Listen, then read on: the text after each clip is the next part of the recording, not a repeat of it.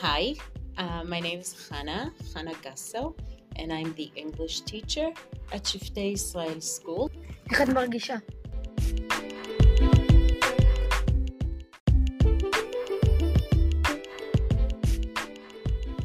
Hi, uh, my name is Hannah, Hannah Gasso, and I'm the English teacher at Shifte Israel School.